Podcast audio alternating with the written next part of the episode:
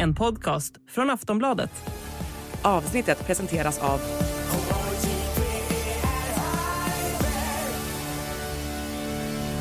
Stödlinjen.se, åldersgräns 18 år.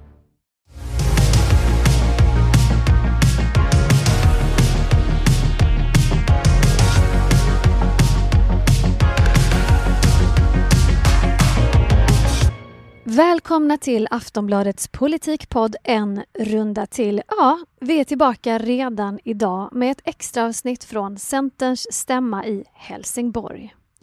Jag heter Olivia Svensson och My Råväder och Lena Melin är fortfarande här också. Hej! Otroligt. Har ni sovit gott? Verkligen. Sundets pärla. Mm, det har varit underbart. Innan vi börjar prata om politik så ska jag säga att vi sitter i ett konferensrum här på hotellet där stämman pågår och det finns en fläkt här som låter som om vi istället sitter i ett maskinrum på en färja. Det är sig ganska passande med tanke på att vi är i Helsingborg och färjan är liksom hjärtat här i Helsingborg, Oh. turande till Helsing Helsingör. Men är det Titanic eller är det Freja? Det är det som är frågan. Vi ber lite i förväg om ursäkt för brus och sus. Men vi testar att köra. Så igår handlade mycket om avgående och avtackade Annie Lööf. Men nu har vi ett alldeles tomt blad, en ny sida, för nu är det fullt fokus på nya partiledaren Muharrem Demirok som precis, ganska precis i alla fall, har hållit sitt så kallade linjetal. Berätta Lena, vad är ett linjetal? Linjetal är när partiledaren oftast, det kan ju vara någon annan också, håller ett övergripande tal där hen pekar ut liksom de stora linjerna, vad hen tycker att partiet ska ägna sig åt. Det var alltså det Demirok gjorde här nyss. Jag gick på damernas för en liten stund sedan och då tjuvlyssnade jag på en bunt mycket glada centerkvinnor som tyckte att talet var citat kanon. Men Lena, du var ju inte så imponerad av Demirok igår. Du tyckte hans första tal var platt och opersonligt. Vad säger du nu efter det andra talet? Jag tyckte kanske inte det här var någon vidare heller, men idag var han ju lite mer engagerad, det måste man ändå säga. Och han pratade också lite mer om sig själv, men eh, vi ska återkomma antagligen till eh, själv vad han sa, men bara själva framförandet var ju lite mer stuns i. Vad tyckte du Mia, om du ska liksom ge någon slags övergripande betyg? Men Jag tyckte att det här var ett eh, ganska bra tal. Jag tycker han är en duktig retoriker för att det är hans första dag som partiledare. Nu är han ju inte första dagen som politiker. Han har ju varit kommunpolitiker under många år och väldigt aktiv i partiet. Men det är ju ändå en annan sak att ställa sig på en scen och hålla sånt här, den här typen av tal. Eh, nej, men det fanns liksom lite humor, det fanns personliga delar eh, och det handlade om politiken. Sen kanske den politikdelen var lite svagare än just de här personliga delarna. Mm, vi kommer komma in på lite mer detaljer sen, men jag noterade att han rev ju ner otroliga eh, applåder och skratt när han pratade om att han var uppväxt i en gård, men på en gård, men i Vårby gård. Det var det roligt. tyckte församlingen var väldigt lustigt sagt. Vi tyckte också det var roligt för att vi själva skämtade om det här igår och man känner ju sig själv bäst. Precis. Alltså jag måste säga att jag tycker det var skittrist. Men varför? Ja, men det var väl inget roligt. Jag är uppvuxen på en gård. Ja, de flesta människor har ju en gård, antingen sin tomt eller sin gård utanför för huset, alltså sitt flerfamiljshus. Han verkade jätteglad för han sa att han skulle, det var rena rama stand-up-karriär för honom sa han. Ja, jag tror inte han blir långvarig i den branschen. Men han ville i alla fall vara personlig och han pratade återigen om då uppväxten i det här Vårby gård. Han pratade om hur han hade varit rädd för nynazister som ung. Fortfarande vill han inte stiga av i en av utgångarna vid Gamla stans tunnelbanestation. Han liksom målade, han målade upp sin uppväxt eh, och försökte då eh, komma med lite detaljer. Är inte det, är inte det bra? Ja, men jag, det tror jag. Jag tror att det också är ett sätt att hantera den här kritiken, att han inte är en passande person för den här posten på grund av att han inte har den här landsbygdsanknytningen. Här försöker han ju hitta någonting annat som gör honom relevant för partiet, att han har en annan bakgrund, det nämnde han ju också själv. Eh, och att det finns någonting annat hos honom som är attraktivt, alltså en berättelse om eh, hur man kan förändra sitt liv genom hårt arbete och engagemang. Och det vet vi ju i, i många fall är någonting som fungerar i politiken, att man har en riktig berättelse. Det är därför som politiker ofta pratar om de har gjort en klassresa eller om någon i deras närhet gjort en klassresa. Han pratar om att han kommer någonstans ifrån och att samhället har gett honom möjligheter. Stefan Löfven tyckte jag ju underanvände sin, sin berättelse, men mm, det intressant. finns ju ändå någonting att prata om, att samhället har format dig och man vill ge någonting tillbaka, som har liksom ändå en klang. Så det, jag förstår varför han pra vill prata mer om sig själv. Hans devis tycktes ju vara att han ville understryka det här då med att förändring är möjlig och att han själv var ett exempel på det. Men då undrar jag varför tog han inte upp då i samband med det att han själv hade använt våld? Hade inte det varit liksom ändå på något sätt det tycker en, jag absolut en bra var, för, upp. för han tog ju upp att han, äh, äh, han tittade på världen just då i det talet, alltså från sin, sin position som 17-åring och det var ju då han dömdes för första gången för, för att ha skallat någon. Så det, det hade varit lämpligt att ta upp det därför annars förstod man inte varför han tittade som en 17-åring just nu. Eh, sen eh, noterade jag att när han räknade upp eh, föregående centerledare hoppade han över en, nämligen Lennart Daléus, den förre stockholmaren. Eh, och det, han var ju jättemisslyckad som partiledare för Centerpartiet. De gjorde sitt hittills sämsta valresultat med honom som ledare. Ka eh, så det kanske var därför, för att han inte ville skapa otursvibbar som han hoppade över honom. Men, lite eh, taskigt nästan. Vi pratade om igår om att Lennart Daléus är den partiledare som man minst minst det, inte ens Demirok kommer alltså ihåg, eller väljer att hoppa över honom med vilje.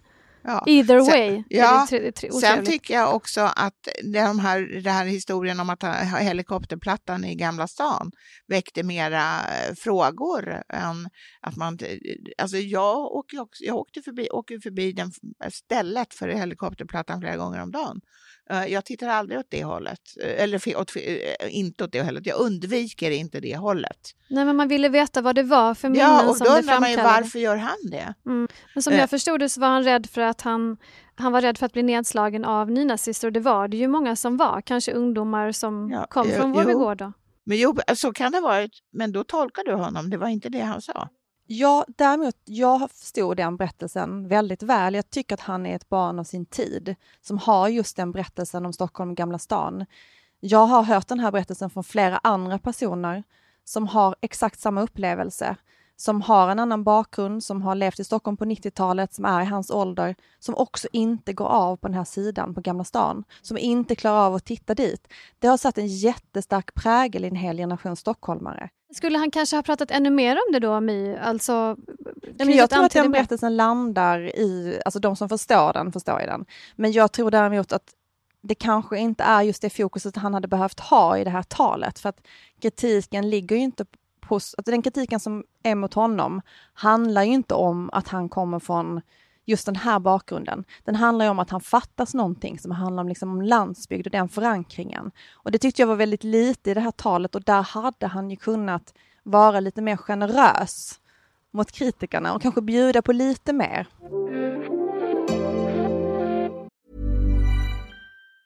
Life is made up of many gorgeous moments. Cherish them all, big and small, with Blue Nile. Whether it's for yourself or a loved one, Blue Nile's unrivaled selection of expertly crafted fine jewelry and statement pieces help make all your moments sparkle. Blue Nile's experts are on hand to guide you, and their diamond guarantee ensures you get the highest quality at the best price. Celebrate a life well lived in the most radiant way and save up to 30% at BlueNile.com. That's BlueNile.com. Om vi då går in lite mer på det här med stad kontra landsbygd som, bygd, som ju verkar vara en issue för Centerpartiet. De måste få ihop de här båda perspektiven. Så sa Demirok i sitt tal att han vill att Centern ska vara ett parti för hela landet. Lyckades han förmedla den bilden att, menar, hur ska de göra det Lena? Det gick jag inte in på överhuvudtaget och jag tycker det där är en självklarhet. Alltså det är inte så att man kan stycka upp landet i olika bitar och säga att det här behöver vi inte. Alltså, varje parti måste vara ett parti för hela landet.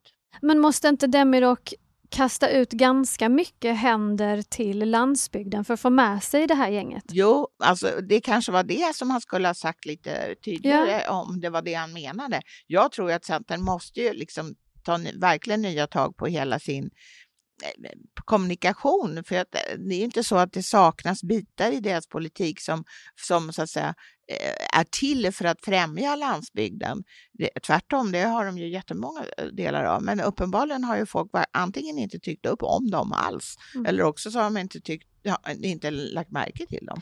Men det här med småföretagande då, för det är ju Mm. ganska viktigt för landsbygden och för landsbygdspolitiken om jag förstår saken rätt. Det pratade han inte om överhuvudtaget eller missade jag någonting? Nej, men det, där finns ju en stor, en stor förskjutning nu ändå mellan, från Annie Lööf till Demirok. Och det är ju att om man har liksom ett område som man har fokus på, och hon har ju absolut haft mäns våld mot kvinnor och eh, jämlikhet och sådär, men hon har ju också haft småföretagandet. Tidigare var det ju en väldigt stor profilfråga för Centerpartiet eller för henne som partiledare. Och han har ju valt någonting annat. Han har ju valt skolfrågan nu som den sortens profilfråga. Eh, och han hoppas ju att man ska kunna ta en fight här i skolfrågan och kunna göra, liksom, göra viss framgång där. För vad de söker efter är ju politiska områden där de kan få förtroende hos väljarna eftersom de inte riktigt äger några sakpolitiska frågor. Man har inte högst förtroende för dem i några sakpolitiska frågor. Och nu vill jag hitta någonting och då har han tänkt sig att det ska vara i skolfrågan. Och då är en väldigt naturlig följdfråga, hur ska de lyckas sno skolfrågan från Liberalerna som har det som kärnfråga och från Socialdemokraterna som ju, som ju äger frågan eh, hos väljarna? Jag tror att det blir jätte- jättesvårt. Jag tror, alltså flera av de här Eh, eh, områdena som han med, valde att eh, säga att det skulle vara vägledande för honom under hans partiledarkarriär, det var ju klimatet, det var skolan och det var nog mer. De har ju, är det ju så att Centern har extremt låg trovärdighet i de frågorna. Och eh, därför så har han ju valt en väldigt besvärlig väg. Ja, men, alltså, man kan ju med rätta bli rätt orolig för Centerns framtid för de säger ju själva att det måste hända någonting. Demirok talar om någon pigg i hjärtat med tanke på, på valresultatet som inte gick deras väg. Jag är så nyfiken på, fick vi några svar på hur framtiden ska lösas? Alltså hur ska de lyckas nå sina väljare igen? Jag tror att de tänker att de har tre år på sig nu. Tre år på sig där de kan utveckla politiken, där de inte behöver bestämma sig för vilken väg de ska ta i regeringsfrågan. Han svar, sa ju här att han var både emot liksom socialism, det ska inte vara i samhället, och man ska inte heller ha eh, borgerliga partier som liksom styrs av nationalkonservatism, som då samarbetar med Sverigedemokraterna. Eh, och så håller man fast vid det, då är de ju bara ett litet 6% parti i mitten som ingen samarbetar med, så det kommer ju inte vara hållbart. Men att man inte behöver ta det där tydliga beslutet förrän man närmar sig nästa valrörelse och att Centerpartiets problem nu är ju att man har så jag höll på att säga dålig politik och det tror jag inte att de själva skulle hålla med om. De har ingen tydlig politik eh, som, som, och det behöver de ta fram. Och så behöver de också ta fram politik som matchar det här nya ledarskapet. För att ska man låta trovärdig och ska man driva saker som man är engagerad i, då måste man ju liksom ha den politik, man kan inte bara ta över politik. Så att han kanske hoppas nu att han ska få vara i fred. Sitta i ett litet hörn och tänka nu i tre år. Man kan säga att vi i en runda till ger eh, Centerpartiet en hel del att fundera på här som de kanske kan ta med sig. Vi hjälper till på Vi ett hjälper till, det är sätt. ju otroligt så duktiga och snälla vi är. Men, men Lena, jag vill höra ditt svar på samma fråga. Ja, men jag tror alltså att det är väldigt svårt att, att välja eh, det som, att välja tre områden som ska vara vägledande för honom i hans eh, politikergärning. Där Fyra. de, ja, men förutom att vara för hela landet som är en mm, självklarhet. mm, ja, Eh, så, eh, så eh, att välja om det som de är dåliga, väljarna tycker att de är dåliga på, det tror jag är jätte, väldigt svårt helt enkelt. Jag tror det var, det vore bra för Centerpartiet om de blandade upp det med någonting som väljarna tycker de är bra på. Och vad skulle det Det är vara? ett mycket bra tips och råd tycker jag. Ja, men vad, vad, vad skulle det vara? Ja, alltså det, just företagande tycker Ja. eh, väljarna att de är ganska bra på. Ja. Småföretagande, Robertsfors pratade vi om igår. Ja. Främja företagandet i Robertsfors. Men Ja. Gullspång var det ju egentligen. Gullspång. Ja men Gullspång, Robertsfors. Same, same. Skaraborg, platsen som inte finns.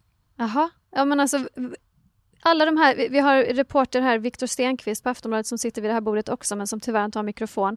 Han kommer från Ludvika. Tänk om man kan främja företagandet i Ludvika. Jo, men Det kanske alltså, behövs. Alltså, f- företagande är ju jätteviktigt för hela landet, men det är ju livsavgörande för, för landsbygden. För finns inte företagarna, då är det ju bara kommunen som är någon arbetsgivare. Och det är ju, det, det, har, den har, ju- det är inte så särskilt brett spektrum på deras eh, så att säga, utbud av jobb. Snabbt byte av ämne. Jag fastnade för en till grej och det var att Demirok riktade några saftiga pikar mot KD. Han sa bland annat att KD ger hjärtlandet en infarkt. Där satt jag och liksom nästan småfnittrade lite för det var ju väldigt taskigt sagt. Reaktioner på detta? Han sa också att pratet om hjärtlandet bara visade sig vara importerad Trump-slogan. Och då susade Burn. publiken nöjt uh, bifall. Uh, uh. Uh, har han startat en beef nu med Ebba Busch? Det kanske han har, men det tror jag inte. Hon bryr sig om? Alltså, ja, det kanske hon är, det gör hon säkert inte. Men, eh, men det jag tänker är, bryr sig Centerns väljare om det? De, de, de, de slåss ju inte om samma väljargrupper. Nej, exakt. Alltså, Kristdemokraterna satsade mycket på landsbygden, men det var ju, gav ju ganska lite utdelning av det. Så vill man ha en tydlig konflikt i landsbygdsfrågorna så är det ju eh, Sverigedemokraterna han ska ge sig på. Och inte KD.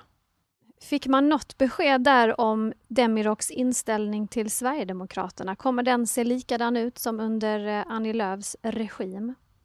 Det, det säger han ju själv att det kommer att vara. Eh, och att det här, han vill ju också ha breda överenskommelser. Han nämnde här i försvaret, energifrågan och skolan då. Försvaret och energifrågan är det liksom redan uppe på tapeten, men han vill lägga till skolan som en möjlig, möjligt politiskt område man kan samarbeta bredare för att ha långsiktiga lösningar. Eh, men då menar han ju att liksom parlamentarisk bredd handlar inte om att närma sig Sverigedemokraterna på något sätt. Jag tror inte att han ville, alltså han tog inte upp det i sitt tal överhuvudtaget. Och det han har sagt förut är ju det här att eh, de ska aldrig göra sig beroende av, av Sverigedemokraterna. Men jag tror, och det har jag stor förståelse för, att han kanske tycker att det har överskuggat liksom, eh, snacket eller basset kring Centerpartiet för mycket. Att det blir som att de bara måste förhålla sig till Sverigedemokraterna hela tiden. Och att det var därför han valde bort det. Jag vet inte såklart, men jag kan tänka mig att det var så. Men vad måste han då göra först? Det här är alltså dag ett på jobbet. Vilken knut måste han börja med att försöka få upp? Jag är verkligen nyfiken på det. Alltså hans absolut första prioritering och hans största prioritering, My. Ja, men det är att se till att hans parti står bakom honom och att de här rösterna som vi hörde knut. igår till exempel. Nej, det är ju lite oklart hur stor den är. Den finns, hur hård den är och hur stor den är. Det är lite oklart, men det är det absolut första han måste göra. Jag frågade honom igår så här, ja men kommer du resa till Norrbotten, Västerbotten, alltså de här platserna där det kommer kritik ifrån, Skaraborg. Eh, och så vill han inte riktigt svara på det. Och jag tänker att det är ett självklart svar på det när man är ny partiledare som har fått den kritiken. Ja, jag ska resa dit och träffa de här människorna och prata med dem och se till att alla känner att de är med på tåget. För det är ju ändå den uppgiften en partiledare har, att samla ett parti. Lena Knut? Nej, men jag håller med om det. Han måste, alltså, eftersom han uppenbarligen inte har gjort den här läxan i förväg och åka runt till partiet och bli känd, eftersom de inte vet ens vad han heter i förnamn, så, så måste han göra det nu. Eh, och det är ju livsviktigt, för annars så kommer ju folk ah, känna sig liksom lite negligerade, att han skiter i dem och då letar fel. Och det ju, skulle ju vara förödande. Men sen så måste han ju också se till att de skaffar sig en politisk agenda som äh, attraherar väljare. För vad ska de göra med det här centertältet annars? En av de här personerna som var uppe igår, som eh, kom från Skaraborg, sa ju att han, skulle, han hade köpt ett nytt centertält Sen var det lite turbulent, det var lite turbulent mm, slut, så han mm. hann inte riktigt få in liksom smashen som egentligen handlade om att han tänkte sälja det här centertältet. Så det slutade med att han bara sa så här, jag har köpt ett nytt centertält. Jag ska sälja det! Kom det. eh, nej men så han kanske slipper sälja det då, om han får besök av sin nya partiledare och blir lyssnad på. Absolut. Och får reda på vad han heter. Det, jag tycker det första alla centerpartister måste göra är att lära sig vad den egna partiledaren heter. Det är en läxa jag vill skicka med dem allihopa, för jag vet att de kommer lyssna nu. Lär er vad partiledaren heter. Det är viktigt, det är trevligt framför allt. Men jag vill faktiskt tacka för idag, My och Lena. Tack. Tack. Hur mycket mer eh, tal om en politikers tal tål Sverige. Det är dags att sluta nu. Absolut. Ja. Och Helsingborg får ursäkta, men det är dags att lämna och säga farväl till Sundets pärla. Så fint här. Ja, så fint. Skånskt snöslask utanför. Eh, men vi ses ju i studion redan nästa vecka. Ses Det där. gör vi. Hej då! Hej då.